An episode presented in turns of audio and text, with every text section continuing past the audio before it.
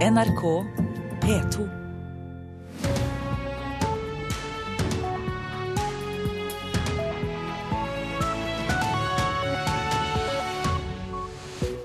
Og her får du Nyhetsmorgen. Øystein Heggen er i studio i dag. Kommunalministeren jukser med tall og tar æren for mitt arbeid, sier tidligere kommunalminister Liv Signe Navarsete. Folk flest må få bedre informasjon om politikernes klimaforslag, mener fagforbundet Unio. Enkelte ungdomsmiljøer i Oslo bruker sex som betaling, viser observasjoner fra Pro-senteret. Og vil du rydde kysten for søppel og plast, så kan du søke om støtte fra Miljødirektoratets millionfond. Ja, kommunalminister Jan Tore Sanner jukser med tall og tar æren for mitt arbeid. Det sier tidligere kommunalminister Liv Signe Navarsete fra Senterpartiet. I går la Sanner fram en plan for å flytte 630 arbeidsplasser ut av Oslo. Navarsete mener planen er så pyntet på og jukset med at den egentlig ikke er særlig imponerende. Dette er valgkampspill og ikke realiteter. Jan Tore Sanner og regjeringa vil flytte 630 arbeidsplasser ut av Oslo og til distriktet. Men tidligere kommunalminister Liv Signe Navarsete fra Senterpartiet sier at for å komme fram til tallet 630, har Sanner talt med gamle nyheter, arbeidsplasser som egentlig ikke skal flyttes ut, og til og med arbeidsplasser som det var hun som flytta. Blant annet sto jo Norsk helsearkiv på Tynset blant de arbeidsplassene som de regna med, men det var jo vi som vedtok helsearkivet til Tynset. Så jeg er jo spent på å se hele lista, hva, hva dette er for noe egentlig. Jan Tore Sanner blir irritert når han hører kritikken fra Navarsete. Dette er en pinlig kritikk fra, fra Senterpartiet, som ikke fikk til særlig mye pga. samarbeidet med Arbeiderpartiet. I Senterpartiets siste regjeringsperiode ble det flyttet ut 240 arbeidsplasser.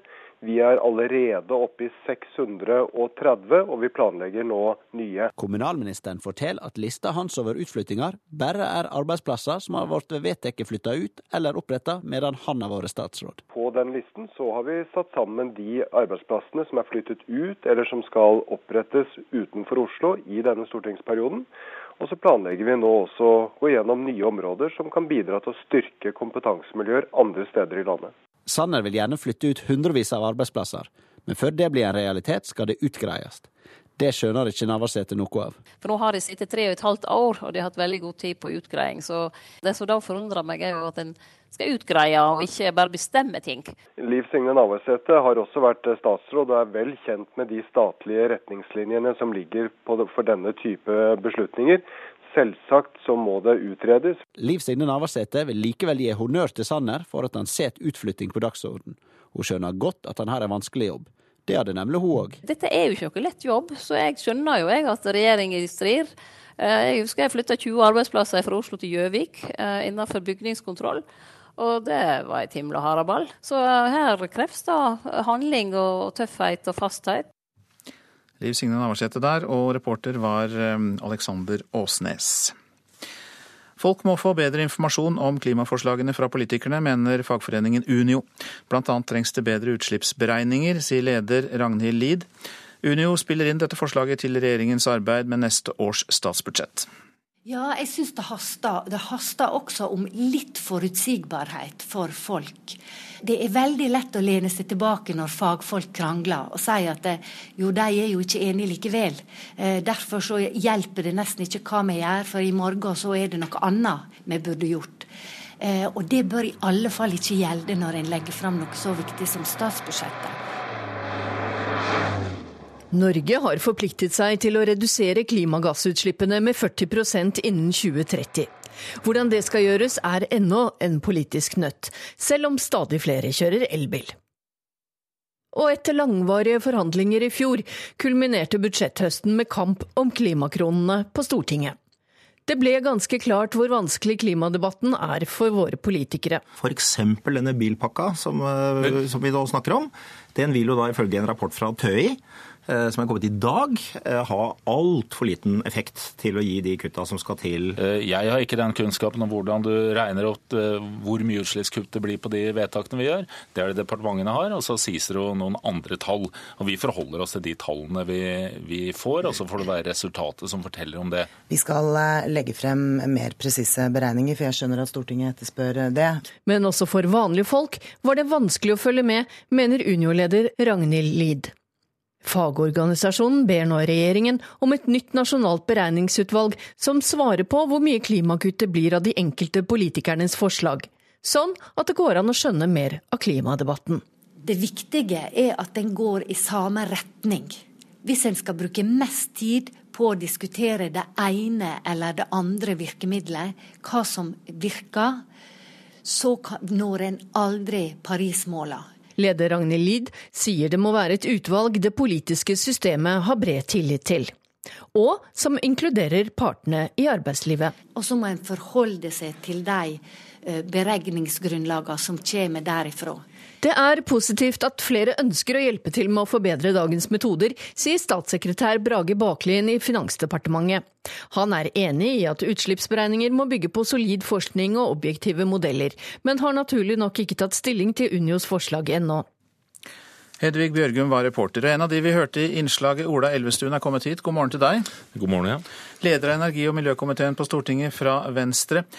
Hvorfor er det så vanskelig selv for miljøpolitikere å få god oversikt over gevinsten av ulike klimakutt? Det er helt riktig at vi trenger en bedre forutsigbarhet eh, på klimaarbeidet som vi skal ha framover. Og dette er jo litt sånn kontinuerlig arbeid. Vi har jo allerede nå bedt om at vi må få årlige rapporter fra Miljødirektoratet. Vi skal ha en enighet med EU med mål fra 2020. Da må også vi ha årlige rapporter fra regjeringen for hvordan vi skal nå dette målet. Men også for og, dere er det vanskelig, da, som driver med miljøpolitikken og jobber med det til daglig, å få full oversikt over eh, utslippene og størrelsen og virkningen? Det er klart det er, eh, det er, vanskelig å få beregningene. De, vi må jo forholde oss til det som Finansdepartementet utreder, det Miljødirektoratet utreder. Om du trenger noen ytterligere ordninger for å få bedre analyser. Det skal jeg være helt åpen for. Men likevel så vet vi jo hva vi trenger å gjøre.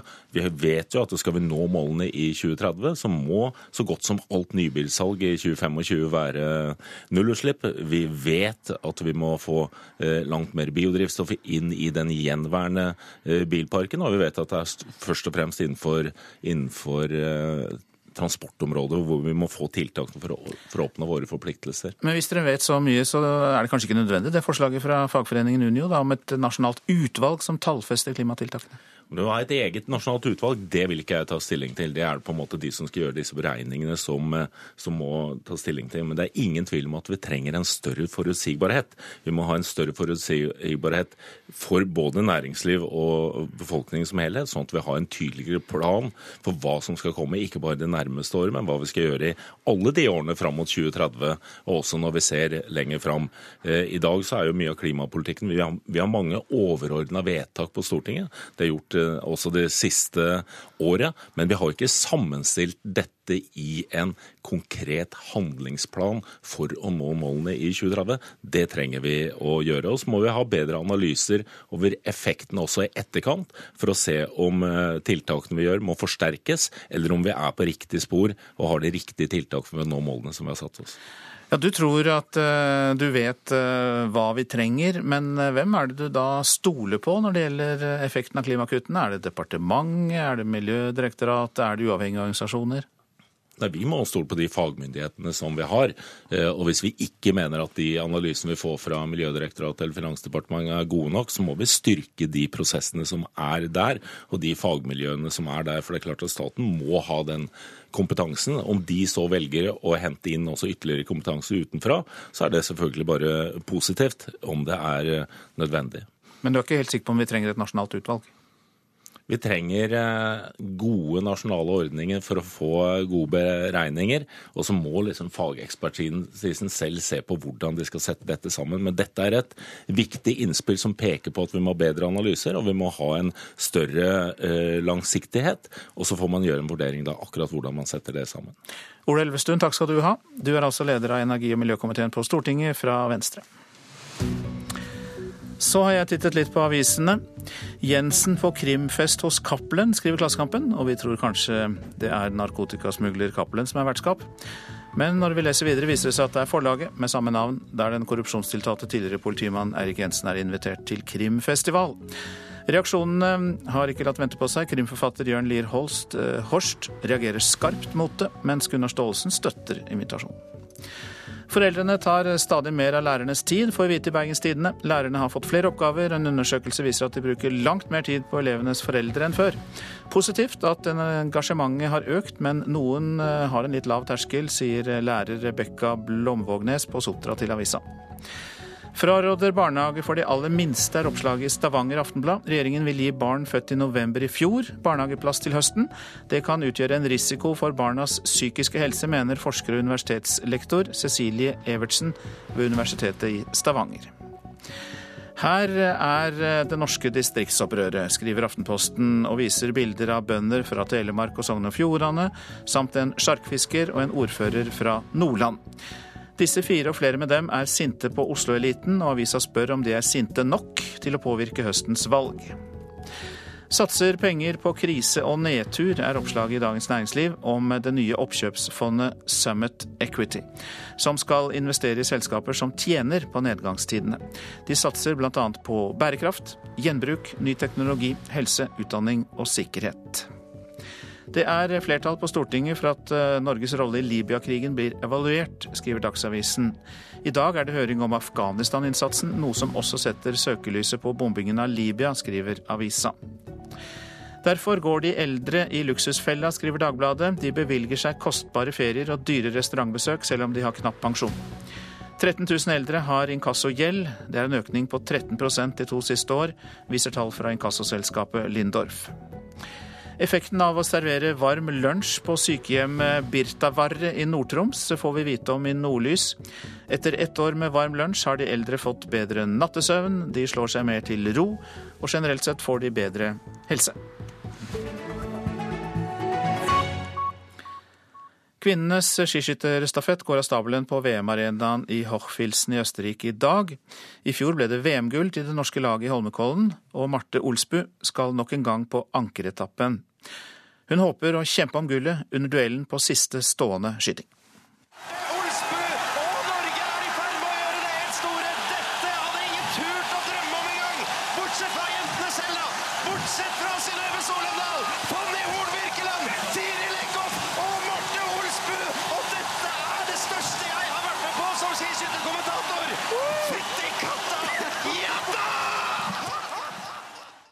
Slik hørtes det ut da skiskytterjentene tok gull på VM-stafetten i Holmenkollen i fjor. I dag er det bare to av fjorårets gullvinnere som skal kjempe for å gjenta historien. Rekkefølgen er eh, Kaja på første etappe, Hilde på andre etappe, Tidlig på tredje etappe og Marte på siste. Kaja Wøien Nikolaisen og Hilde Fenne er nye på laget, men nok en gang er det Marte Olsbu som får tilliten på ankeretappen. Eh, nei, jeg setter veldig pris på tilliten, og jeg syns jo siste etappen er en utrolig morsom etappe å gå. Jeg gleder meg til å angripe. Um, samtidig er det vanskelig å legge opp noe klar strategi. Det spørs jo helt an hvordan man legger an og, og hvordan de andre har gjort det før, så det blir egentlig bare å, å ta det som det er og være i nuet og gjøre det beste ut av enhver situasjon. Olsbu tror laget kan være med å kjempe om en medalje også i Hoffilsen i dag, og hun vet hva som hadde vært drømmesituasjonen. Nei, det er jo selvfølgelig å være, være i medaljekampen og kjempe om medalje på både på siste skyting og siste runden. Det er jo det som er så spennende i skiskyting med den siste stående. Og fått en bra duell der hadde vært eh, kjempemorsomt. Og selvfølgelig at det gikk i min favør, da. Og reporter var Ida Høydalen. VM-stafetten kan du se på NRK og høre på NRK Sport fra klokka 14.45. Klokka er snart 6.47. Dette er hovedsaker. Svensk politi har avslørt et pedofilinettverk i Midt-Sverige. Sju eldre menn er pågrepet de siste to dagene etter mistanke om at de har hatt grove overgrepsbilder av barn, melder Dagens Nyheter. I USA er mannen president Donald Trump vil ha som ny nasjonal sikkerhetsrådgiver, viseadmiral Robert Harvard. Han har takket nei til jobben. Han fikk ikke anledning til å plukke ut medlemmene av sin egen stab. Skolen er så tilpasset jenter at mange gutter ikke henger med i undervisningen, sier skoleforsker Peder Haug. Tall fra grunnskolen viser at det er dobbelt så mange gutter som jenter som får spesialundervisning. Mer om dette i Nyhetsmorgen etter klokka sju. Filmbransjen kan bare glemme å få Hollywood-produksjoner hit hvis ikke arbeidsmiljøloven mykes opp, det mener bransjeekspert. Tidligere denne uka fortalte NRK at enkelte ansatte på Snømannen-innspillingen jobbet opp mot 190 timer overtid i måneden. Hvis man på en måte skulle hatt åtte timers dag totalt, inklusiv rigging og nedrigg, så ville du kanskje hatt fem-seks timer til å skyte. Her forklarer Sverre Pedersen i Norsk Filmforbund hvorfor det ofte blir lange dager på filminnspillinger. Og det vil ikke gå innenfor verken den tiden du har skuespiller tilgjengelig, og den tiden eh, du trenger å utnytte lys og eh, tilgjengelighet på stab og utstyr. Som NRK fortalte tidligere i uka, har nordmenn som jobber på Snømann-innspillinga, regelmessig hatt 15 timers arbeidsdager. Enkelte hadde også overtid på opp mot 190 timer i måneden. Det er ikke i tråd med norsk arbeidsmiljølov. Men er det kanskje loven det er noe galt med? Det mener i hvert fall førsteamanuensis Terje Gaustad, som sjøl har erfaring i filmbransjen og forsker på økonomi i kreative næringer. Jeg tror den norske arbeidsmiljøloven er primært laget for eh, arbeidere som er i fast arbeid, og ikke for folk som jobber over kortere tid på et uh, intensivt uh, prosjekt. I de internasjonale filmproduksjonene så er det store effektivitetsgevinster ved å jobbe lengre dager.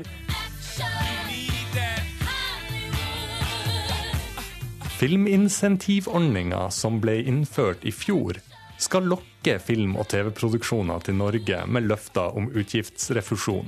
Men Gaustad mener det hjelper lite hvis norske arbeidstidsbestemmelser samtidig er langt strengere enn det produsenter er vant til. Jeg tror de utenlandske produsentene forventer å ha det de ser som normal arbeidstid uansett når de kommer til Norge. Eh, og jeg tror de, tror de blir veldig overrasket hvis de blir pålagt å faktisk holde seg innenfor det den norske loven eh, legger til grunn. Gaustad mener det bør innføres unntaksbestemmelser i arbeidsmiljøloven, og peker på land som tillater opptil 12 timers arbeidsdager og 72 timers arbeidsuke på tidsbegrensa prosjekter. Da NRK først omtalte forholdene på Snømann-innspillinga, var Arbeiderpartiets mediepolitiske talsmann Arild Grande rask med å reagere. Han mener produsenter som ikke følger loven, heller ikke bør få støtte, og fnyser av Gaustads forslag. Nei, Det er jo selvsagt bare tull. Arbeidsmiljøloven er svært fleksibel, og det er full mulighet til å komme fram til god enighet eh, hvis du får til avtaler på forhånd eh, som ivaretar behovet for at du får en eh, produksjon raskt i havn, men som også sikrer anstendige lønns- og arbeidsvilkår for dem som skal jobbe i produksjon. Reporter her var Gaute Sakariassen. Nå om enkelte ungdomsmiljøer i Oslo som eh, syns det er greit å bruke sex som betaling. Det er blant eh, de observasjonene som er gjort i to rapporter Pro-senteret legger fram i dag. De unge bytter sex mot penger, mat og klær, overnatting, reiser og opplevelser. Sexbytte er ikke utbredt, men vanlig i noen miljøer. Noen bytter også sex mot voksenkontakt, nærhet eller innpass i miljøer. Enslige mindreårige asylsøkere er en særlig sårbar gruppe, og ansatte i helseapparatet tror noen av disse ungdommene har erfaring med salg og bytte av seksuelle tjenester da både i migrasjonsprosessen og etter ankomst til Norge. Prosenteret konkluderer med at hjelpeapparatet har for lite kunnskap og jobber for usystematisk med temaet. Reporter Elise Heisel Asbjørnsen. Folk eh, vil rydde søppel i skjærgården. Engasjementet for å fjerne søppel og plast er større enn på lenge, nemlig. På Sotra har ildsjeler satt seg som mål å rydde kysten vik for vik, og de kan til og med få solid pengestøtte fra Miljødirektoratets fond. Jeg har jo sjøl blitt veldig sjokkert når jeg ser bildene og jeg ser hva de finner langs kysten. Altså, det går jo an å ha med seg en plastsekk når du går ut i fjærene og sånt, og så plukke. Mona Bruvik og Linda Tofterå er klare til å ta opp kampen mot et globalt problem. De enorme mengdene med plast og søppel i havet har også grisa til skjærgården der de bor, på Sotra i Hordaland. Helt forferdelig. Det ser ut som en komposthaug. Det ser ut som folk har bare dumpa en hel masse i, omtrent fra land. Man kan ikke tro det kommer fra, fra sjøen. Veldig sjokkerende. Torsdag kveld var det folkemøte på Sotra, der både frivillige, lag og organisasjoner samt de tre ordførerne i Sotra-kommunene var representert. Innsatsviljen er stor, mange har fått øynene opp for det enorme søppelproblemet etter at en gåsenebbhval ble funnet på Sotra med over 30 plastposer i magen. Eh, når den hvalen drev i land, så uh, gikk det rett i hjertet på folk her ute. Det er jo verdens fineste skjærgård vi har, så uh, det var ikke vanskelig å mobilisere folk her ute, altså. Det sier Lennart Fjell, kultursjef i Fjell kommune. Målet med folkemøtet var å få en koordinert innsats mot alt søppelet langs kysten. De frammøtte fikk gode tips til hvordan en kan rydde raskt og effektivt, og Norsk Gjenvinning var på plass for å forklare hvordan søppelet kan komme til nytte igjen. Nå er målet at organiseringen på Sotra også kan overføres til andre steder i landet. Så Initiativet hadde jo to mål. og Det var jo da å mobilisere, og organisere og strukturere eh, innsamling av søppel, og, og eh, hvordan vi skulle kvitte oss med det. Og så var mål nummer to å, å få organisasjonene i tale og få kraften ut av dem på en god måte. Det har vi òg gjort, så vi har egentlig nådd målene våre. der. Nå snakker de om en nasjonal pilot som vi ønsker å få til her ute, selvfølgelig. Også Miljøverndepartementet var til stades. Politiske rådgiver for miljøvernministeren Jens Frølik Holte er imponert over engasjementet. Det engasjementet er helt fantastisk å oppleve. Det er veldig bra å se at uh, folk har lyst til å ta i et tak. Her er det både kommuner og privatpersoner og eh, avfallsselskap som eh, sammen har lyst til å gjøre en innsats. Målet er nå å rense kysten vik for vik. Engasjerte innbyggere som vil å bruke fritida si for å rydde opp, kan også søke om pengestøtte. Miljødirektoratet har et fond på 35 millioner kroner, og i løpet av mars kan en søke om å få penger til ryddeaksjonene. Det er en ganske bred søkeordning, hvor det kan være eh, for så vidt privatpersoner, det kan være lag, det kan være bedrifter, kommunale foretak, som eh, søker og får penger til opprydding. Men er 35 millioner kroner nok penger til å rydde opp, sånn som det ser ut eh, nå? Det må vi se litt når søknadene kommer inn. Det viktigste er at vi kommer til kilden av problemet, og det er at avfall havner i havet. Søndag var vi og plukka, og vi gikk langt oppover land. Det var plastikk og kanner og masse langt oppover land. Og jeg tenker ja, altså det er jo lite i det store, men litt her og litt der, så ja. Da kommer ikke ut igjen på sjøen iallfall. Det som vi har tatt. Og vi tok 25 sekker. Jeg føler nå da i hvert fall Ja ja, da har vi fått vekk. Linda Tofterå til reporter Jon Bolstad. Etter eh, mange år med nedgang er det nå vekst i salget av eh, analog film til fotokameraer. En av dem som har begynt å ta bilder på gamlemåten, er eh, det norske stjerneskuddet innenfor fotografi, Kyrre Lien. Ok, dette er noen av kameraene. Dette er en Mamia RB67. Kyrre Lien er 26 år, men har allerede rukket å bli en av Norges mest kjente pressefotografer. Han har fotografert digitalt siden han var ungdom, men nå står han og roter i skapet sitt og drar fram et to kilos analogt beist av et kamera. Det er bygd i Japan på 70-tallet, 20 år før Lien selv ble født. Dette er sånn som bestefaren din drev med, kanskje? Ja, jeg tror det. Og pappa i sin tid, da han fotograferte. Det morsomme er jo sånn som pappa nå, han er jo helt frelst av Instagram. Mens jeg nå kun nesten fotograferer på analogt. Det er veldig mange av fotografvennene mine også som uh, fotograferer analogt. Så jeg tror det er blitt en trend nå. Det klassiske er jo at det kommer inn uh, unge mennesker som har vært på loppemarked, kjøpt et uh, speilreflekskamera analogt. Legger det på disken og aner ikke hva de skal gjøre med det.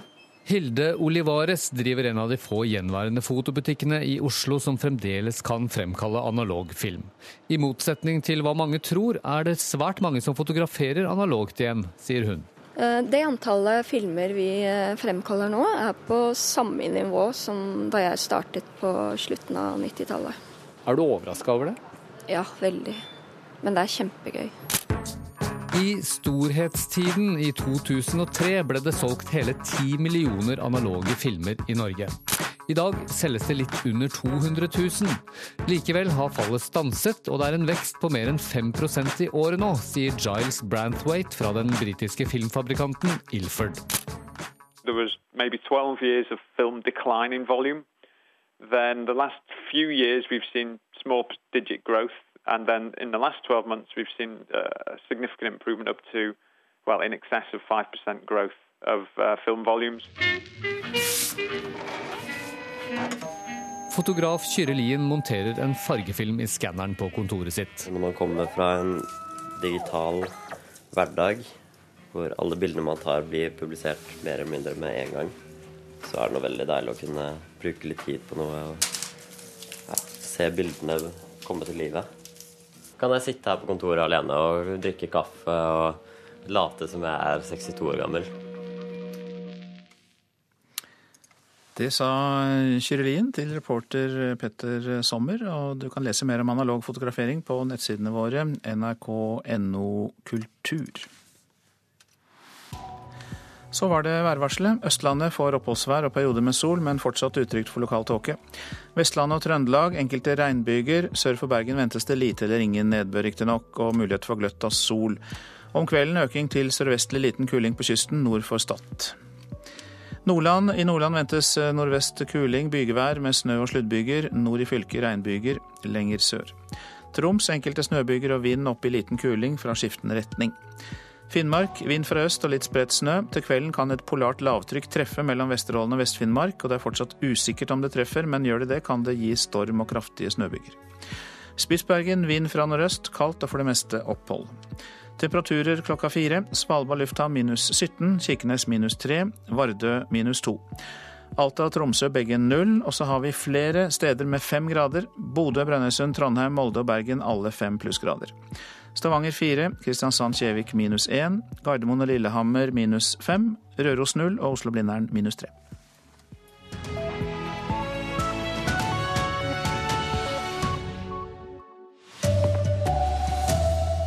Å plassere mer av oljefondet i aksjer kan føre til kraftige kutt i statsbudsjettet, mener økonomiprofessor. Jan Tore Sanner tar æra for det vi gjorde, sier Senterpartiets Liv Signe Navarsete. Her er NRK Dagsnytt klokka sju. Regjeringa tar for stor risiko med sparepengene våre når de går inn for å bruke enda mer av oljefondet til å kjøpe aksjer. Det mener professor Knut Anton Mork, som leder utvalget som ga regjeringa råd om aksjeandel i fondet. Et flertall av ekspertutvalget foreslo at fondet bør kunne ha 70% aksjer, men Mork mener aksjeandel bør være lågere. Vi risikerer at det må kuttes kraftig i statsbudsjettet, sier han. Vi har ikke vært vant med å bli stilt overfor dette ennå, fordi statens oljeinntekter stadig har økt, slik at fondet har økt. Det er snart slutt. Nå er det jo dette en beslutning som tas antakelig for eh, ti år framover. Og i det perspektivet mener jeg det var en betydelig feiltakelse. Men Nikolai Astrup i Høyre avviser at regjeringen gjør noe annet enn å følge gode råd om å øke aksjeandelen. Noe bl.a. et flertall i Mork-utvalget og Norges Bank har gått inn for. Han avviser kritikken og mener beslutningen er bra for landet. Utvalget anbefalte jo også å øke eh, aksjeandelen til 70% Den anbefalingen har vi valgt å følge. Veldig mye som tyder på at økt aksjeandel vil gi økt avkastning over tid. Og det er bra for kommende generasjoner. Reporter Johan Settem. Kommunalminister Jan Tore Sanner jukser med tall og tar æra for vårt arbeid. Det sier tidligere kommunalminister Liv Signe Navarsete fra Senterpartiet. I går la Sanner fram en plan om å flytte 630 arbeidsplasser ut av Oslo. Ikke særlig imponerende, mener Navarsete. Dette er valgkampspill og ikke realiteter. Jan Tore Sanner og regjeringa vil flytte 630 arbeidsplasser ut av Oslo og til distriktet. Men tidligere kommunalminister Liv Signe Navarsete fra Senterpartiet sier at for å komme fram til tallet 630, har Sanner talt med gamle nyheter, arbeidsplasser som egentlig ikke skal flyttes ut, og til og med arbeidsplasser som det var hun som flytta. Blant annet sto jo Norsk helsearkiv på Tynset eh, blant de arbeidsplassene som de regna med, men det var jo vi som vedtok eh, helsearkivet til Tynset. Så jeg er jo spent på å se hele lista, hva, hva dette er for noe egentlig. Dette er en pinlig kritikk fra, fra Senterpartiet, som ikke fikk til særlig mye pga. samarbeidet med Arbeiderpartiet. Jan Tore Sanne til reporter Alexander Åsnes. Dobbelt så mange gutter som jenter får spesialundervisning. I år får over 33 000 gutter eh, ekstraundervisning i norske skoler. Og skoleforskere mener kjønnsforskjellene skyldes at skolen er for mye tilrettelagt for jenter. NRK Dagsnytt, Silje Sande. Hvorfor trenger flere gutter enn jenter spesialundervisning, som vi hørte om i Dagsnytt nettopp? Her i Nyhetsmorgen har vi invitert en forsker, Ingrid Fylling fra Universitetet i Bodø, for å svare. Gamle regjeringer med nasjonalformuen, slik en økonomiprofessor altså hevder. Vi går videre også på den saken. Norges forsvarsminister møter i formiddag USAs nye forsvarsminister til samtaler i München. USA mener vi må tilpasse oss en ny strategisk virkelighet. Og Trumps nye kandidat til jobben som nasjonal sikkerhetsrådgiver takker nei til jobben. Det er altså dobbelt så mange gutter som jenter som får spesialundervisning. Det er tall fra grunnskolens innrapporteringssystem som viser det. Forskere gir skolen skylda for at en del gutter strever. I år får over 33 000 av dem spesialundervisning. Nei, jeg drikker under. Jeg drikker under. Give me five. Der var alle så raske. Hendene i fanget. På Gamlebyen skole i Oslo er historien neste på timeplan. Så dere skal få lov til å leke fem minutter til.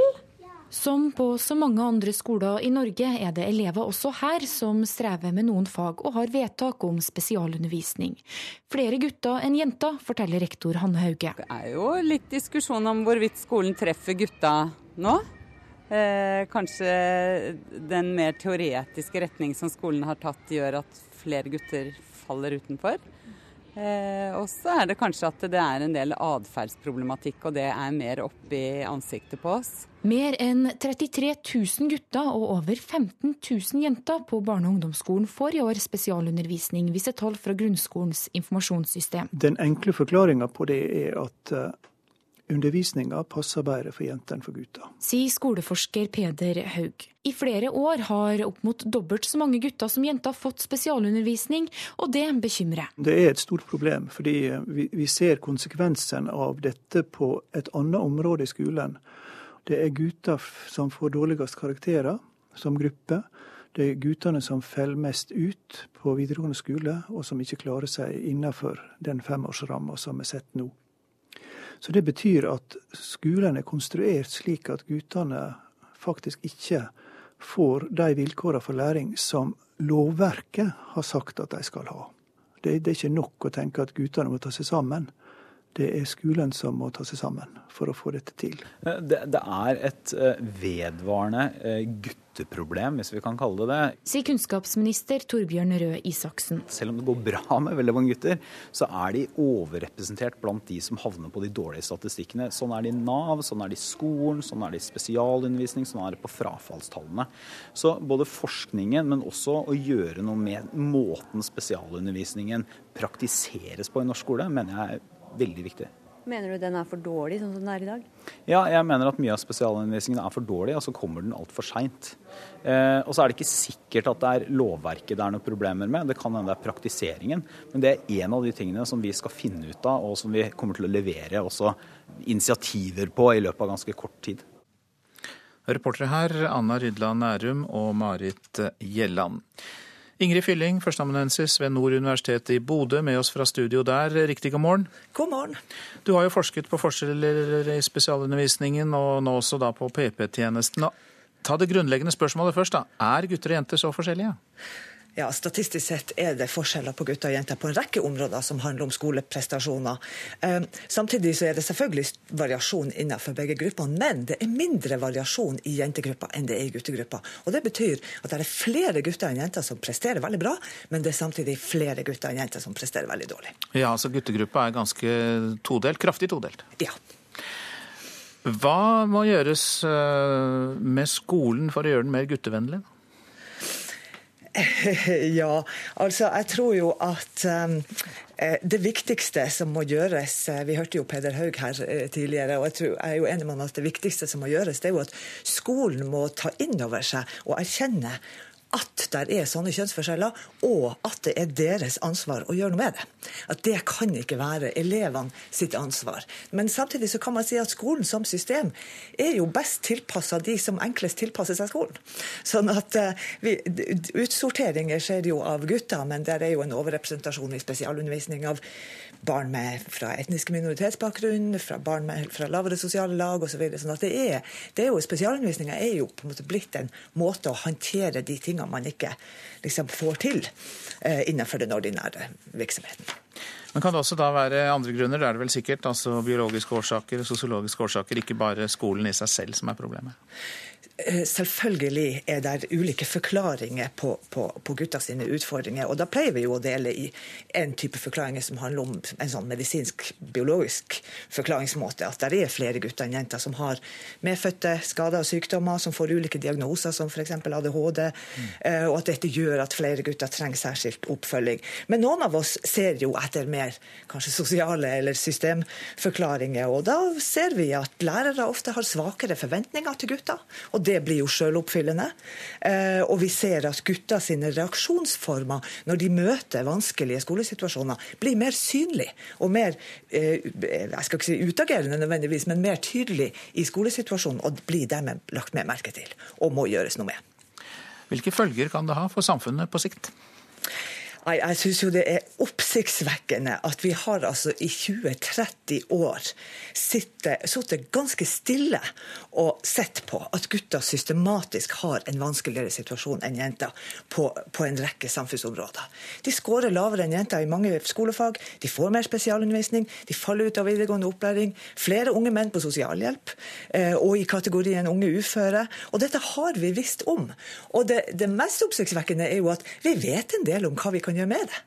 Men, men, eh, men, det er liksom vi, der, der jo, har jo vært prøvd ut på noen skoler. Det er jo noen skoler som nesten ikke har kjønnsforskjeller i skoleprestasjoner, og som har jobba aktivt for å oppnå det.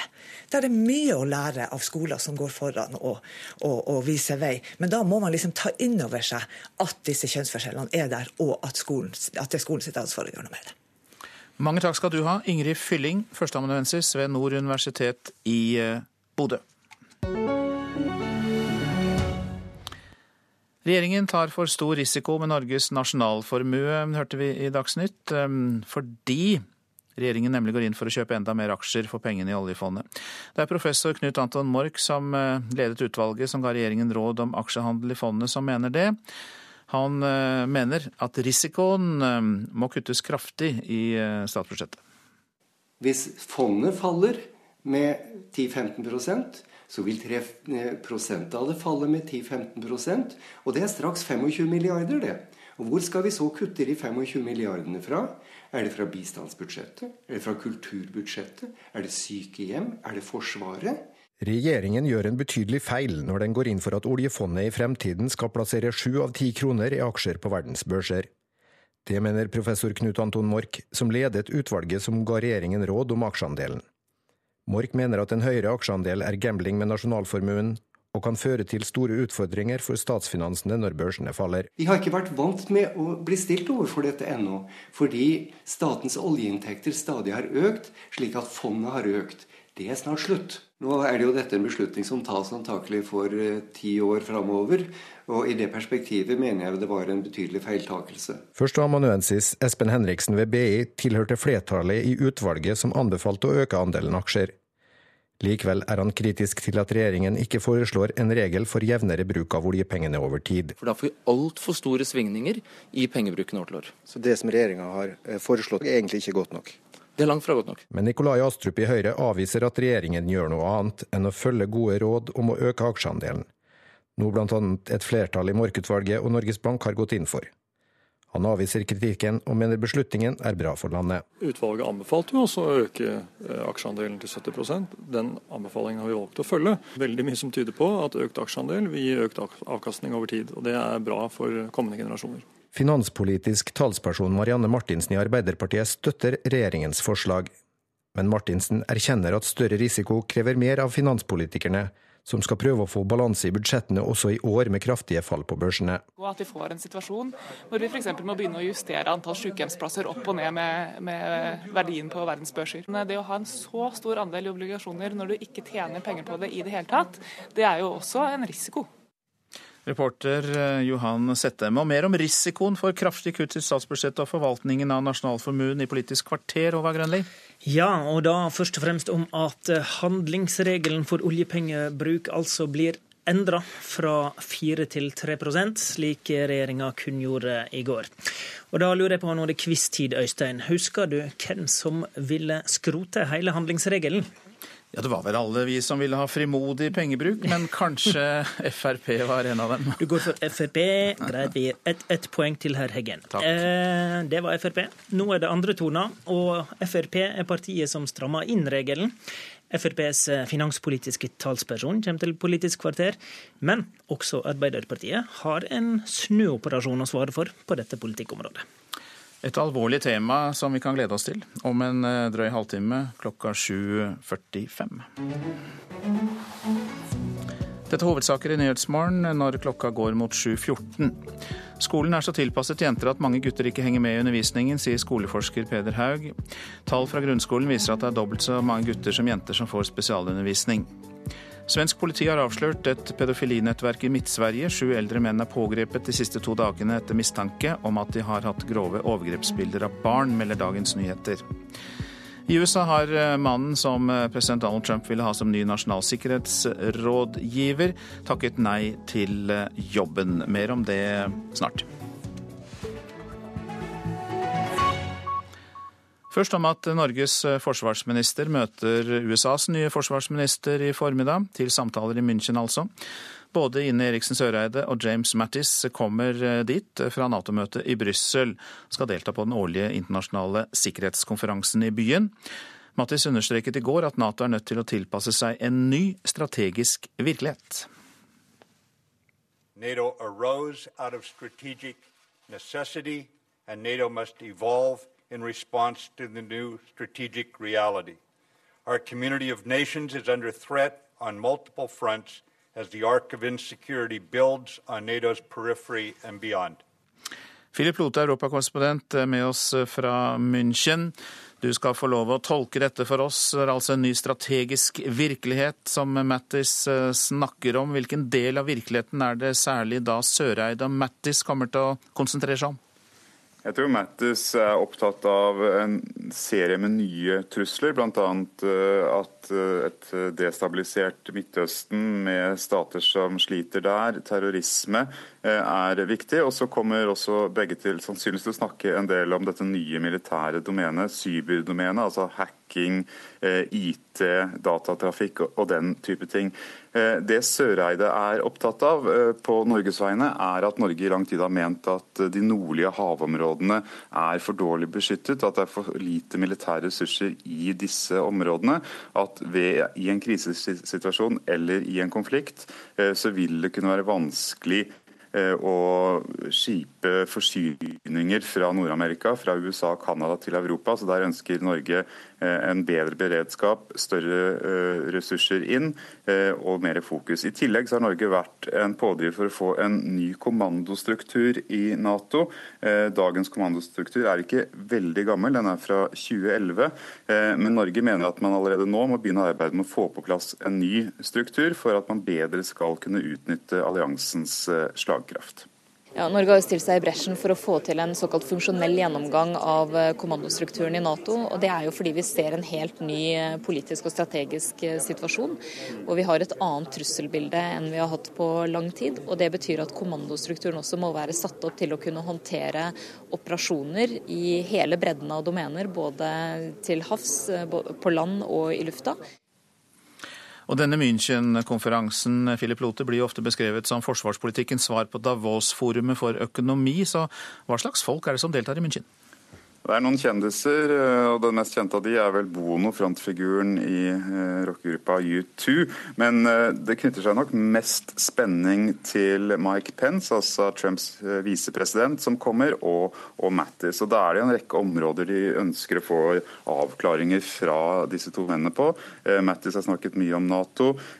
Man kommer til å ønske de samme forsikringene fra Penn som Nato som Mattis har gitt. Og så kommer man til å eh, høre hva han mener om forholdet særlig til eh, Russland, om forholdet til EU, og også om i det hele tatt mye av den støyen som man har fått fra Trump-administrasjonen om sikkerhetspolitiske rådgivere de siste dagene. Det kommer nok til om det ikke blir diskutert over bordet, så i hvert fall på Eh, sidelinjene. I tillegg så kom en rekke eh, amerikanske eh, senatorer, McCain, Mark Rubio, og fra den, si, den, andre siden av den sikkerhetspolitiske arenaen så kommer det til å knytte seg ganske stor spenning til Lavrov, som kommer hit. Han deltok også på G20-møtet i Bonn i går.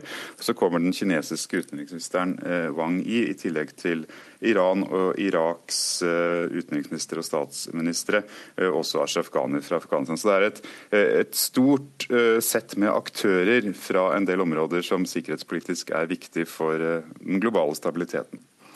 Viktige og innflytelsesrike aktører møtes i München, der også vår europakorrespondent Philip Lote er til stede. President Trumps nye kandidat eh, til jobben som nasjonal sikkerhetsrådgiver takket i natt nei til jobben. Viseadmiral Robert Howard var Trumps foretrukne til å ta over etter Michael Flynn, som fikk sparken eh, mandag. Presidenten tar eh, avstand fra medierapporter som er kommet om at det er kaos i Det hvite hus. I turn on the TV, open the newspapers, and I see stories of chaos. Chaos.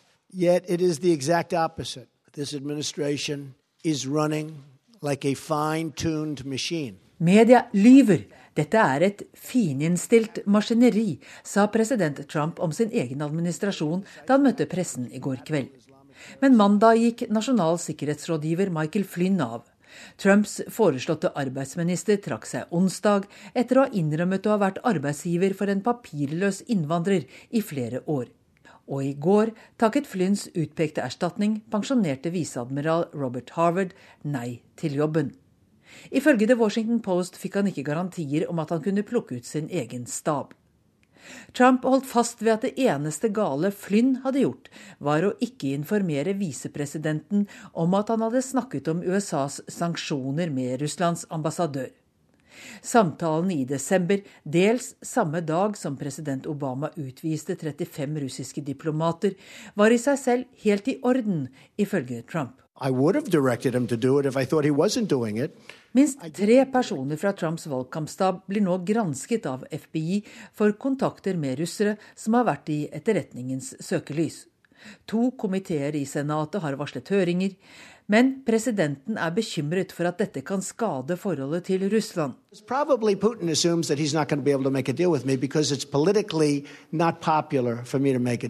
Putin tenker trolig at det vil bli umulig å gjøre en avtale med meg, fordi det vil være politisk upopulært for meg å inngå en avtale nå, sa Trump i går. Han har fordømt lekkasjene knyttet til etterretningens gransking av Michael Flynn. Men det er uklart hva han mener med at det som har kommet ut av lekkasjene, er usant. The leaks are absolutely real. The, the news is fake. So da han ble presset av en journalist fra CNN til å forklare hva han mener, svarte han slik.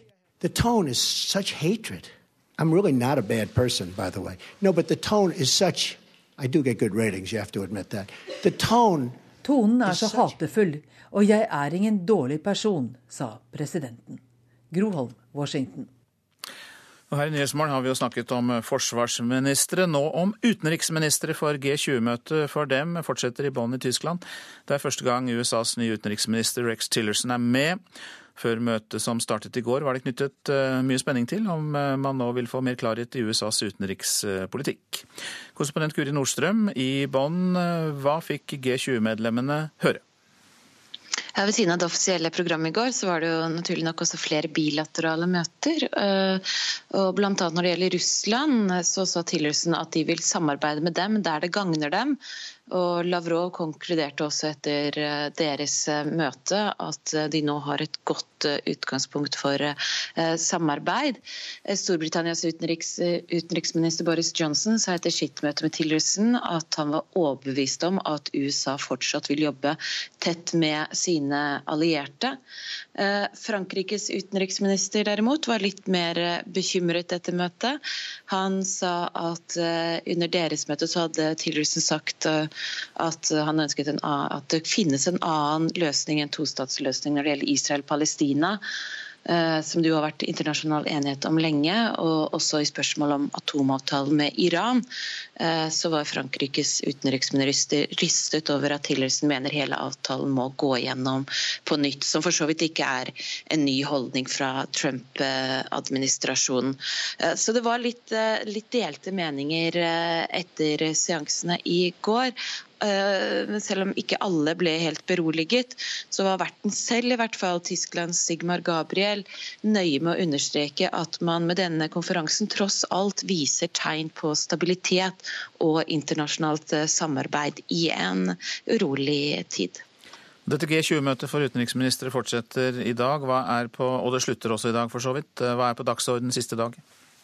I dag er det én session som står på programmet. Det er eh, konfliktforebygging og fredsbevaring.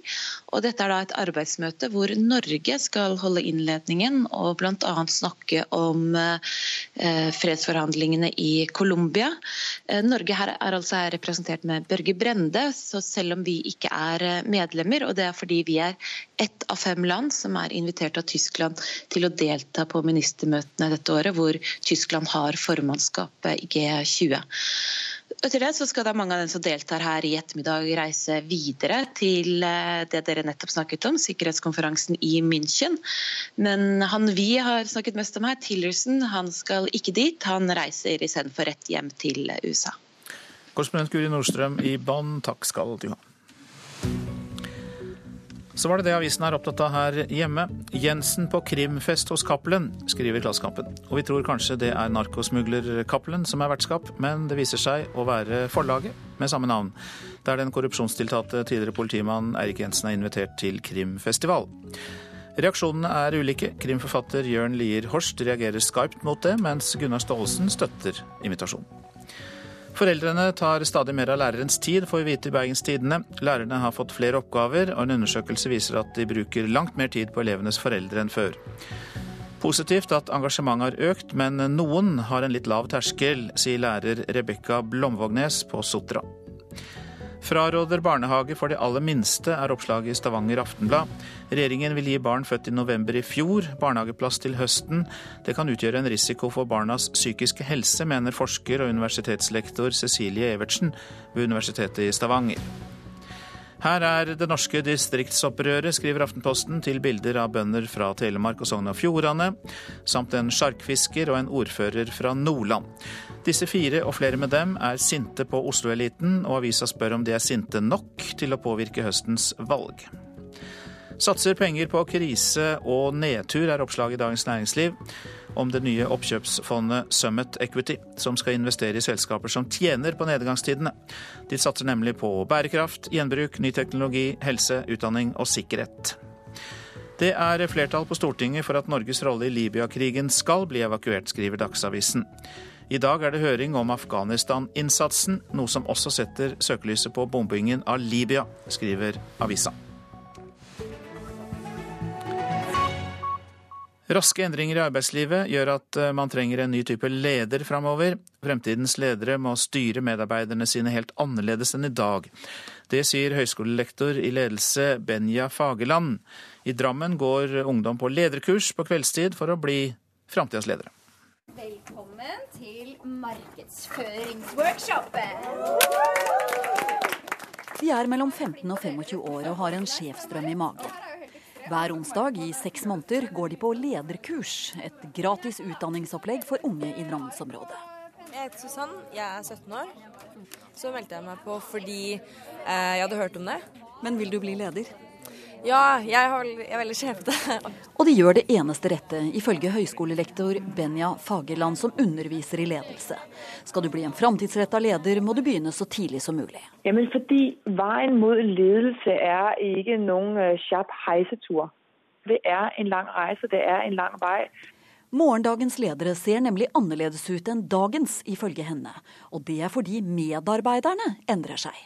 Fremtidens leder har en forståelse for at medarbeiderne blir stadig mer kompetente, øh, og gjerne enda mer kompetente enn lederen selv.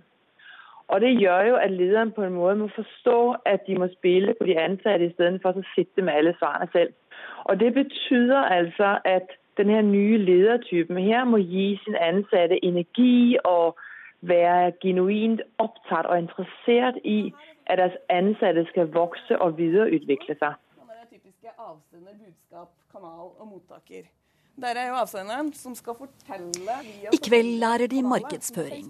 25 stykker jobber aktivt sammen utenom skolen for en gang i framtida å kunne kalle seg en sjef. Jeg heter Lotta Luna og jeg er 15 år. Hva er det som gjør at du Lotta, setter deg på skolebenken på kveldstid når du bare er 15 år, for å så grunnlaget for å bli en sjef? Jeg har bare lyst til å på en måte ja, ha et godt grunnlag for meg sjøl, sånn at jeg på en måte kan velge fra det øverste og oppover og oppover, sånn at jeg vil kunne få den beste utdanningen. Og det er sannsynligvis sånne som Lotta som skal lede i framtida. Og Susanne. De har tenkt igjennom hvilke egenskaper de bør ha. Jeg tenker at Som leder så må du ha den egenskapen eh, eh, med at man ser alle, at man får med alle. Eh, man har et felles mål som man jobber mot. Det, det som skal være hovedfokuset, er at man får ut det beste av alle. Og til sammen så lager man et godt produkt. Disse unge har skjønt det, ifølge Benja Fageland. At lederen faktisk må erkjenne at ofte så kan de være enda mer kunnskapsrike enn lederen selv. Og Da er det viktig at man er en trygg leder som gir plass til det, men den leder som sier at dette kan du mer om enn jeg, hvordan skal vi gjøre det? Og eksportere medansvar ut til de ansatte. Det er jo de som der, som der lykkes også i fremtiden. Og reporter her var Karoline Bekkelund Hauge. Prosent for Nyhetsmorgen i dag, Kari Bekken Larsen, og her i studio Øystein Heggen. Irak og landets koalisjonspartnere forsøker fortsatt å erobre byen Mosul fra IS, men så langt har de bare kontroll over den østlige delen. Mer i reportasjen etter Dagsnytt. Og bruken av oljepenger er tema for debatten i Politisk kvarter.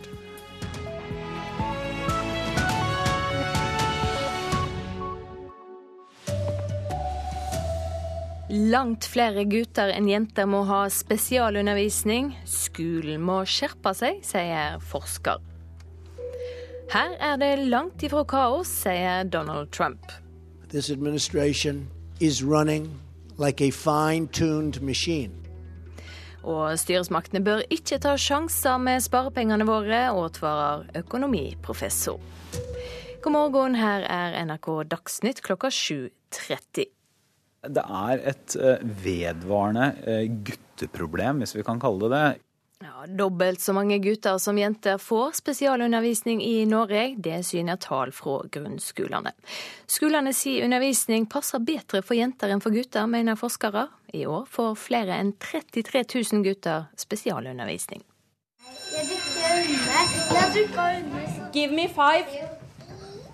Der var alle så raske. Hendene i fanget. På Gamlebyen skole i Oslo er historien neste på timeplanen. Så dere skal få lov til å leke fem minutter til. Som på så mange andre skoler i Norge er det elever også her som strever med noen fag og har vedtak om spesialundervisning. Flere gutter enn jenter, forteller rektor Hanne Hauge. Det er jo litt diskusjon om hvorvidt skolen treffer gutta nå. Mer enn 33 000 gutter og over 15 000 jenter på barne- og ungdomsskolen får i år spesialundervisning, viser tall fra grunnskolens informasjonssystem undervisninga passer bedre for jentene enn for gutta. Skoleforsker Peder Haug er bekymra. Det er et stort problem, fordi vi, vi ser konsekvensen av dette på et annet område i skolen. Det er gutter som får dårligst karakterer som gruppe. Det er guttene som faller mest ut på videregående skole. Så det betyr at skolen er konstruert slik at guttene faktisk ikke får de vilkårene for læring som lovverket har sagt at de skal ha. Selv om det går bra med veldig mange gutter, så er de overrepresentert blant de som havner på de dårlige statistikkene. Sier kunnskapsminister Torbjørn Røe Isaksen. Sånn er det i Nav, sånn er det i skolen, sånn er det i spesialundervisning, sånn er det på frafallstallene. Så både forskningen, men også å gjøre noe med måten spesialundervisningen praktiseres på i norsk skole, mener jeg er veldig viktig. Det, det er ikke nok å tenke at guttene må ta seg sammen. Det er skolen som må ta seg sammen for å få dette til. Reportere Anna Rydland Nærum og Marit Gjelland. I USA har mannen president Donald Trump ville ha som ny nasjonal tryggingsrådgiver takka nei til jobben. Samtidig tar president Trump sterk avstand fra rapporter i media om at det er kaos i Det hvite hus. I turn on the TV, open the newspapers, and I see stories of chaos. Chaos. Yet it is the exact opposite. This administration is running like a fine tuned machine. Media lyver. Dette er et fininnstilt maskineri, sa president Trump om sin egen administrasjon da han møtte pressen i går kveld. Men mandag gikk nasjonal sikkerhetsrådgiver Michael Flynn av. Trumps foreslåtte arbeidsminister trakk seg onsdag etter å ha innrømmet å ha vært arbeidsgiver for en papirløs innvandrer i flere år. Og i går takket Flynns utpekte erstatning, pensjonerte viseadmiral Robert Harvard, nei til jobben. Ifølge The Washington Post fikk han ikke garantier om at han kunne plukke ut sin egen stab. Minst tre personer fra Trumps valgkampstab blir nå gransket av FBI for kontakter med russere som har vært i etterretningens søkelys. To komiteer i Senatet har varslet høringer. Men presidenten er bekymret for at dette kan skade forholdet til Russland.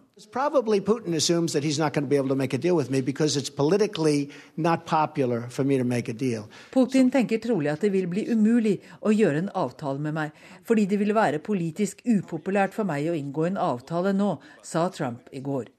Groholm, Washington.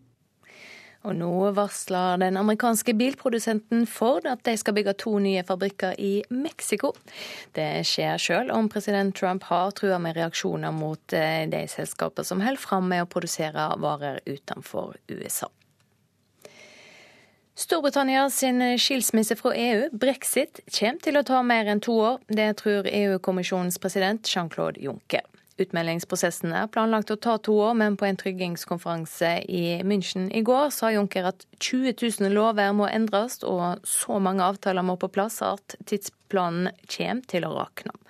Det var i fjor sommer britene røysta for å forlate EU. Regjeringa tar for stor risiko med sparepengene våre når de går inn for å bruke enda mer av oljefondet til å kjøpe aksjer. Det mener professor Knut Anton Mork, som leder utvalget som ga regjeringa råd om aksjeandelen i fondet. Et flertall av ekspertutvalget foreslo at fondet bør kunne ha 70% aksjer, men Mork mener det er for høyt. Vi risikerer at det må kuttes kraftig i statsbudsjettet, sier han.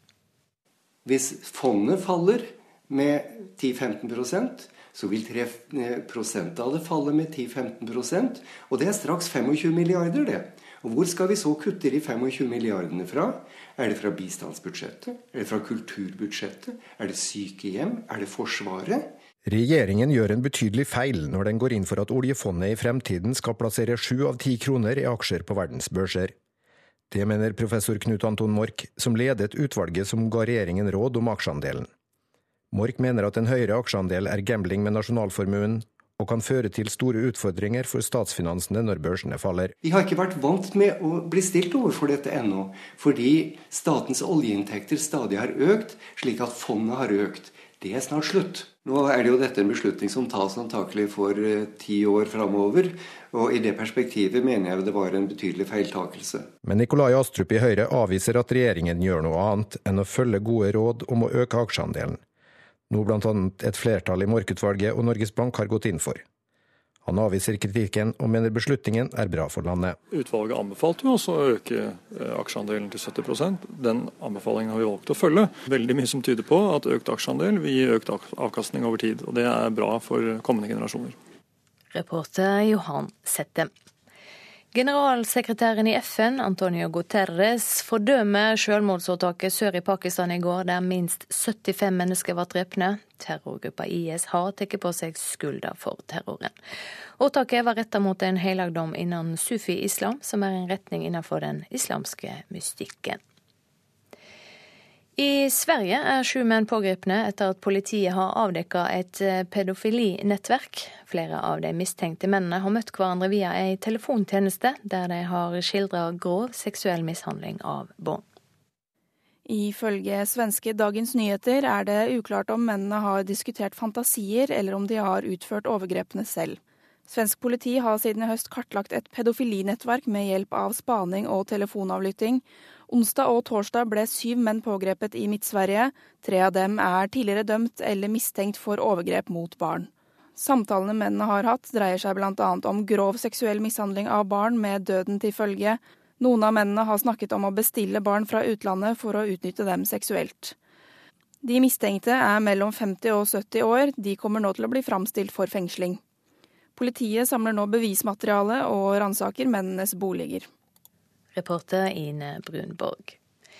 Folk må få bedre informasjon om klimaendringene fra politikerne. Det mener fagforeninga Unio, som vil ha et nasjonalt utvalg som skal finne ut om klimatiltakene fra politikerne virker. Det viktige er at den går i samme retning. Hvis en skal bruke mest tid på å diskutere det ene eller det andre virkemidlet, hva som virker, så når en aldri Paris-måla. Norge har forpliktet seg til å redusere klimagassutslippene med 40% innen 2030. Hvordan det skal gjøres er ennå en politisk nøtt, selv om stadig flere kjører elbil. Og etter langvarige forhandlinger i fjor kulminerte budsjetthøsten med kamp om klimakronene på Stortinget. Eh, jeg har ikke den kunnskapen om hvordan du regner opp eh, hvor mye utslippskutt det blir på de vedtakene vi gjør. Det er det departementene har, og så sies det jo noen andre tall. Og vi forholder oss til de tallene vi, vi får, og så får det være resultatet som forteller om det.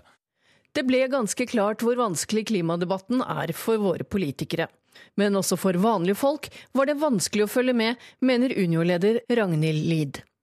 Fagorganisasjonen ber nå regjeringen om et nytt nasjonalt beregningsutvalg som svarer på hvor mye klimakuttet blir av de enkelte politikernes forslag, sånn at det går an å skjønne mer av klimadebatten.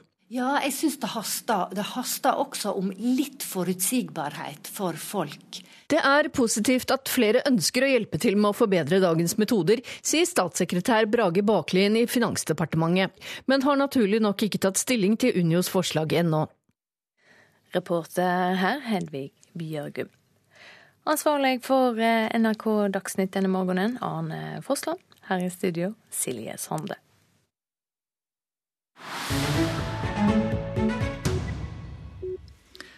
Her i Nyhetsmorgen eh, skal vi høre mer om eh, situasjonen i den irakiske byen Mosul, som terrorgruppa IS tok kontroll over i 2014. Myndighetene i Irak har sammen med sine partnere tatt tilbake den østlige delen av byen, men FN sa i går at de ikke lenger kan levere nødhjelp dit fordi det er for farlig. Innbyggerne der frykter fortsatt IS, som holder til i den vestlige delen av byen. Og nylig var det et eh, selvmordsangrep på en restaurant. Ødelagte stoler, bøyde metallbord, døde fisker og menneskeblod på gulvet.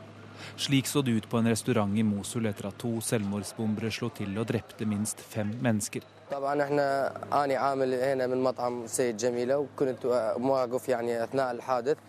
Jeg jobber på restauranten og var i nærheten da først én eksplosjon skjedde, og så kom en selvmordsbomber til da alle arbeiderne stormet ut for å se hva som hendte, forklarer Abed til nyhetsbyrået AP. Dette skjedde i forrige uke i Øst-Mosul, den delen som er frigjort fra IS. Ingen har tatt på seg ansvaret for aksjonen, men folk i byen sier dette hendte fordi IS hadde forbudt å åpne en restaurant der, og slike aksjoner gjør at frykten for terrorgruppa fortsatt er stor, forteller norske Mohammed al-Mofti på telefon fra Irak. Egentlig, det var ikke en god tegn. Folk er veldig redde. Fordi det er ikke kontrollposter som det var for, det var ikke noen checkpointer. Det var kun uh, fire politier som jeg så dem på veien helt fra den ytterste kanten av byen til El Nord-bydel, i ca. 3,5 km. Det var kun fire lokale politier der. Han har besøkt Mosul denne uka. Egentlig, når du kommer inn til byen, så det er lett å bevege deg i de ytterste bydelene. Men når du kommer litt eh, en stykke mot eh, elvebredden, da blir det litt vanskelig. For mange av de veiene blir ødelagt pga. den intensive bombing i den siste perioden under frigjøring. Al-Mofti er opprinnelig fra byen og dro tilbake på eget initiativ. Han har hatt noen oppdrag for irakiske parlamentarikere og jobber som tolk i Norge. Han sier at folk i byen er redde for sovende IS-celler, altså at terrorgruppa har latt mindre grupper bli værende igjen bak fiendens linjer, slike som de antar sto bak angrepet på restauranten. Frykten har økt etter at lederen av IS sharia-domstol i Vest-Mosul kom med en fatwa som sa at alle i Øst-Mosul nå var å regne som vantro. Al-Mofti sier også at to skoler har blitt angrepet av IS-kontrollerte droner. Det kan lede til at skolene i byen blir stengt. Mosul er en viktig test for irakiske myndigheter. Ikke bare skal de militært ta byen tilbake fra IS, de må også vise at de klarer å styre den i etterkant. Den irakiske regjeringen har til nå bare kontroll over den østlige delen av byen. IS holder den andre delen av millionbyen, som deles i to av elva Tigris. De to bydelene er nå helt atskilt, og det er ingen mulighet for å flykte fra IS-kontrollerte vest til myndighetskontrollerte øst lenger. Det finnes mange uh, soldater som blir utstasjonert i nærheten av elvebredden, og de blir kalt til henrettelseslag når de sier at noen skal prøve å flytte til andre siden, blir drept. Skulle bli drept. Utenriksmedarbeider og tidligere Midtøsten-korrespondent Sigurd Falkenberg Mikkelsen hadde laget denne reportasjen. Så tar vi med oss hovedpunktene i nyhetene i dag. Skolen er så tilpasset jenter at mange gutter ikke henger med i undervisningen, sier skoleforskere. Tall fra grunnskolen viser at det er dobbelt så mange gutter som jenter som får eh, spesialundervisning. I USA har mannen president Donald Trump vil ha som ny nasjonal sikkerhetsrådgiver, viseadmiral Robert Harvard, takket nei til jobben. Han fikk ikke anledning til å plukke ut medlemmene av sin egen stab. Svensk, avslørt, eh, svensk politi har avslørt et pedofilinettverk i Midt-Sverige. Sju eldre menn er pågrepet de siste dagene etter mistanke om at de har grove overgrepsbilder av barn. Det er Dagens Nyheter som eh, melder dette. Regjeringen tar for stor risiko med sparepengene våre når de går inn for å bruke enda mer av oljefondet til å kjøpe aksjer. Det mener professor Knut Anton Mork, som ledet utvalget som ga regjeringen råd om aksjehandel i fondet. Og folk må få bedre informasjon om klimaforslagene fra politikerne, mener fagforeningen Unio. Blant annet eh, trengs det bedre utslippsberegninger, mener altså forbundet. Så er det Politisk kvarter, og det er ved Håvard Grønli.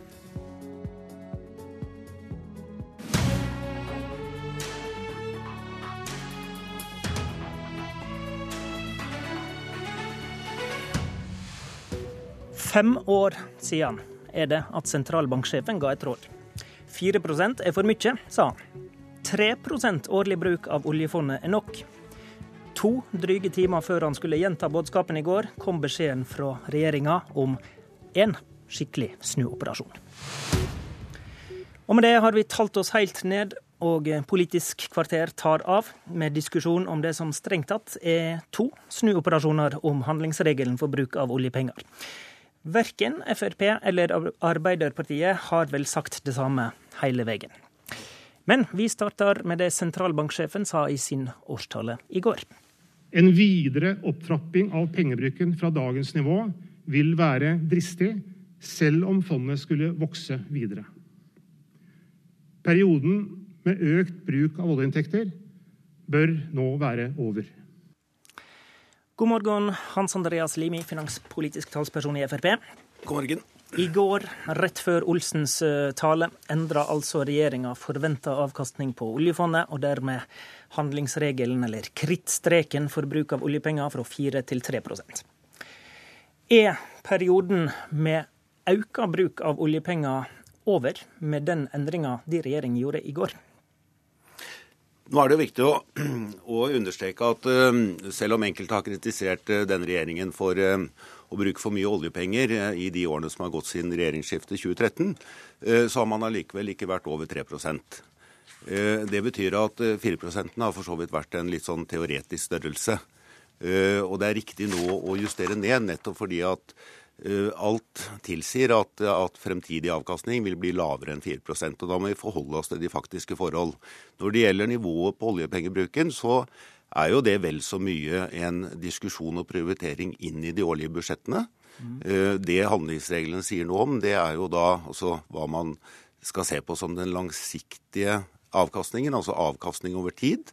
Eh, men så sier også handlingsregelen noe om innretningen på oljepengebruken. Ok, Men nå snakker ikke vi om innretninga. For mitt spørsmål var vil dere, med det dere gjorde i går, stramme inn oljepengebruken? Altså stoppe eh, den perioden vi har hatt med økt bruk av oljepenger? Ja, men da tror jeg det, det, er i så fall ikke noe nye signal, fordi det har vært nødvendig å bruke ekstra mye oljepenger i en periode hvor økonomien har vært i en lavkonjunktur. Nå okay. ser vi at det er positive signal til at ting er eh, på riktig vei. Så da skal og da betyr det at vi tilpasser oljepengebruken i forhold til det. Tilpasser betyr oljepengebruken skal ned? Det betyr at jeg ser ikke for meg at vi har behov for å øke oljepengebruken i årene fremover. Vi må tilpasse den i forhold til situasjonen i økonomien og det handlingsrommet som er i budsjettene. Ok. Marianne Martinsen, finanspolitisk talsperson i Arbeiderpartiet. Endra det regjeringa kom med i går, eh, altså en eh, ny handlingsregel på 3% endra det realiteter i oljepengebruk? Det er i hvert fall en avlysning av den veksten i oljepengebruken som vi har sett de siste fire åra, og som starta i det øyeblikket Høyre og Fremskrittspartiet inntok regjeringskontorene høsten 2013. Det var det første som skjedde, at de, at de vedtok å øke oljepengebruken for å finansiere dette formuesskattekuttet, det første som kom. Eh, og derfra og fram til nå så har det gått eh, i et rasende tempo. Vi har aldri eh, økt bruken av oljepenger så raskt som det vi har gjort de siste åra. Og én ting er selve prosenten. Det er helt riktig som Limi sier, at, eh, at eh, i prosent så har vi ikke ligget så høyt fordi at fondet har blitt så innmari svært. Men ser du på innfasingstempoet, så har dette gått så fort at, at når vi nå sier 3 så vil, det, eh, så vil, den praktiske konsekvensen av det være at vi ikke kan fortsette i samme tempo. Da når du den 3 veldig raskt. Vi ligger på ca. 3 eh, per nå. Okay, samme tempo, da mener du hvis øken i oljepengebruk fortsetter, da vil den passere 3% Ja, så Skulle vi fortsatt sånn som disse har holdt på, så, så, sier jo ledende økonomer at eh, fondet ville vært tomt i løpet av få, få tiår. sånn at dette er en tilpasning til realitetene. Men jeg må jo si at det er jo en ganske spektakulær snuoperasjon vi har vært vitne til nå, fra eh, et Frp som ville skrote hele handlingsregelen eh, og bruke pengene i et raskere tempo, eh, og til, til en innstramming på vei ut av regjeringskontorene. Vi skal komme dit. Jeg har bare lyst til å prøve å, å, se om vi er enige om realitetene. Er du enig, Limi, med det Martinsen sier, at det må bety at auken i oljepengebruk må stoppe? Det legger, det legger en begrensning på, på bruk av oljepenger over tid. Eh, men jeg har også lyst til å legge til at eh, i og med at Martinsen refererte Over til Over tid, men ikke umiddelbart, da?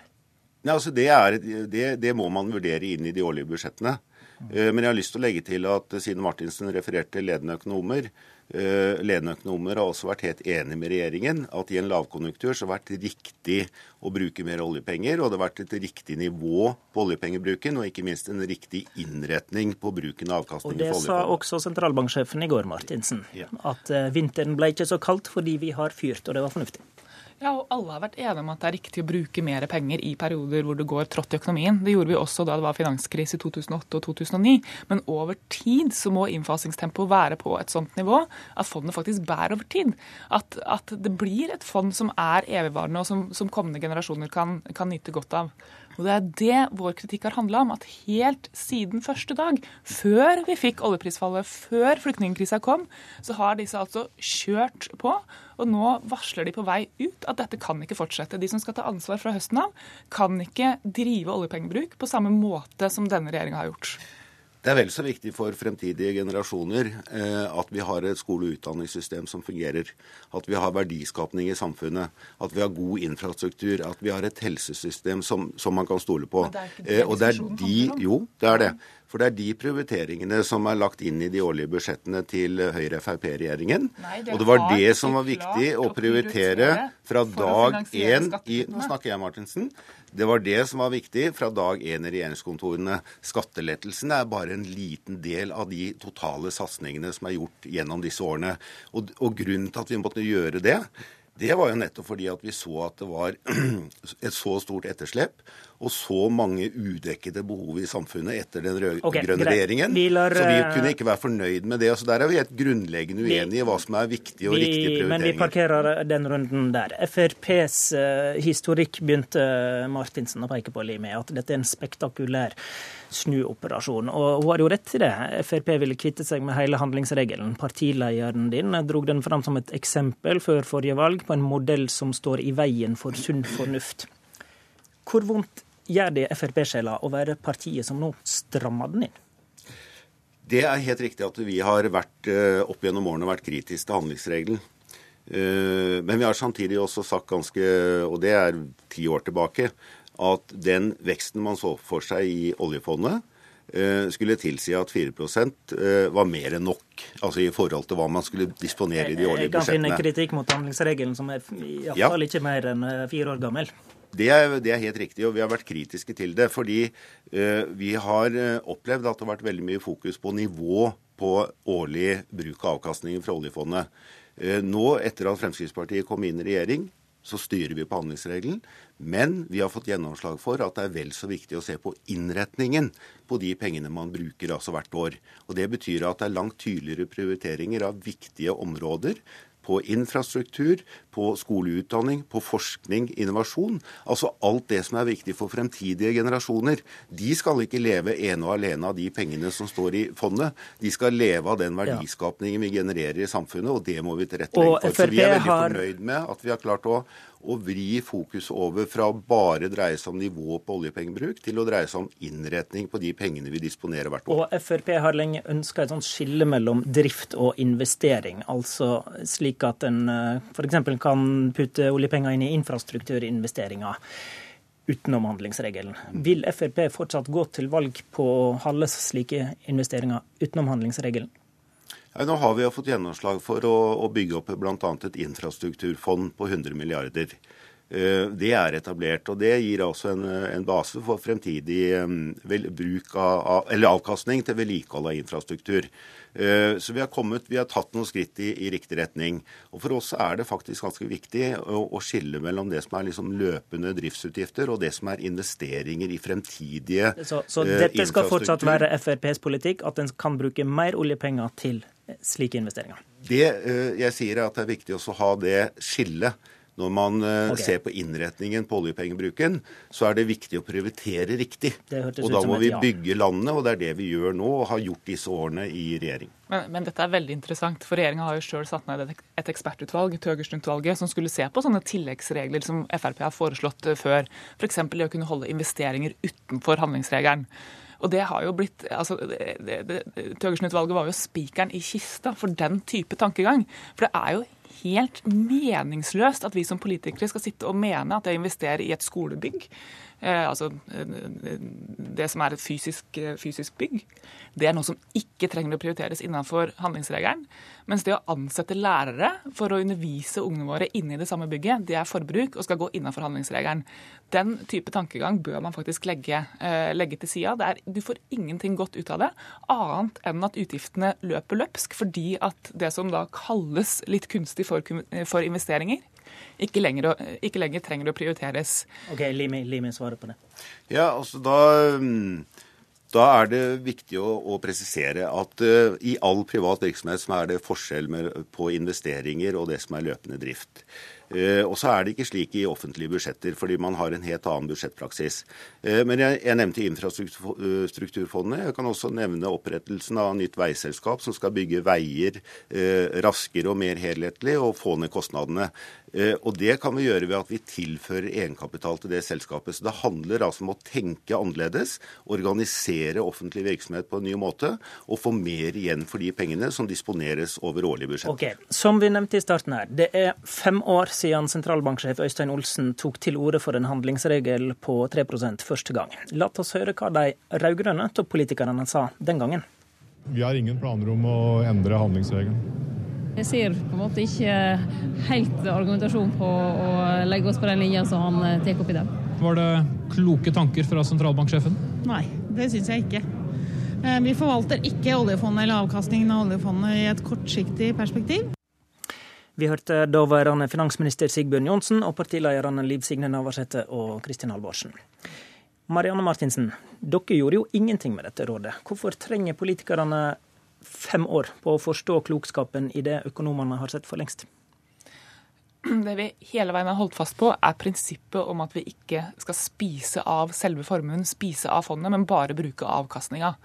Eh, og hvis vi ser fem år tilbake, Den store forskjellen mellom 2012 og her vi sitter i 2017, det er at det nå er helt urealistisk å se for seg at avkastninga av det fondet skal nå 4 vi har et ekspertutvalg som har sett på det, eh, og alle økonomer, altså alle, alle som, er, som, driver analysevirksomhet da, eh, og sier noen ting om hvordan verden ser ut, hvor mye avkastning vi faktisk kan forvente, er enige om at 4% er død. Der var vi ikke i 2012. Jo, økonomene var jo der.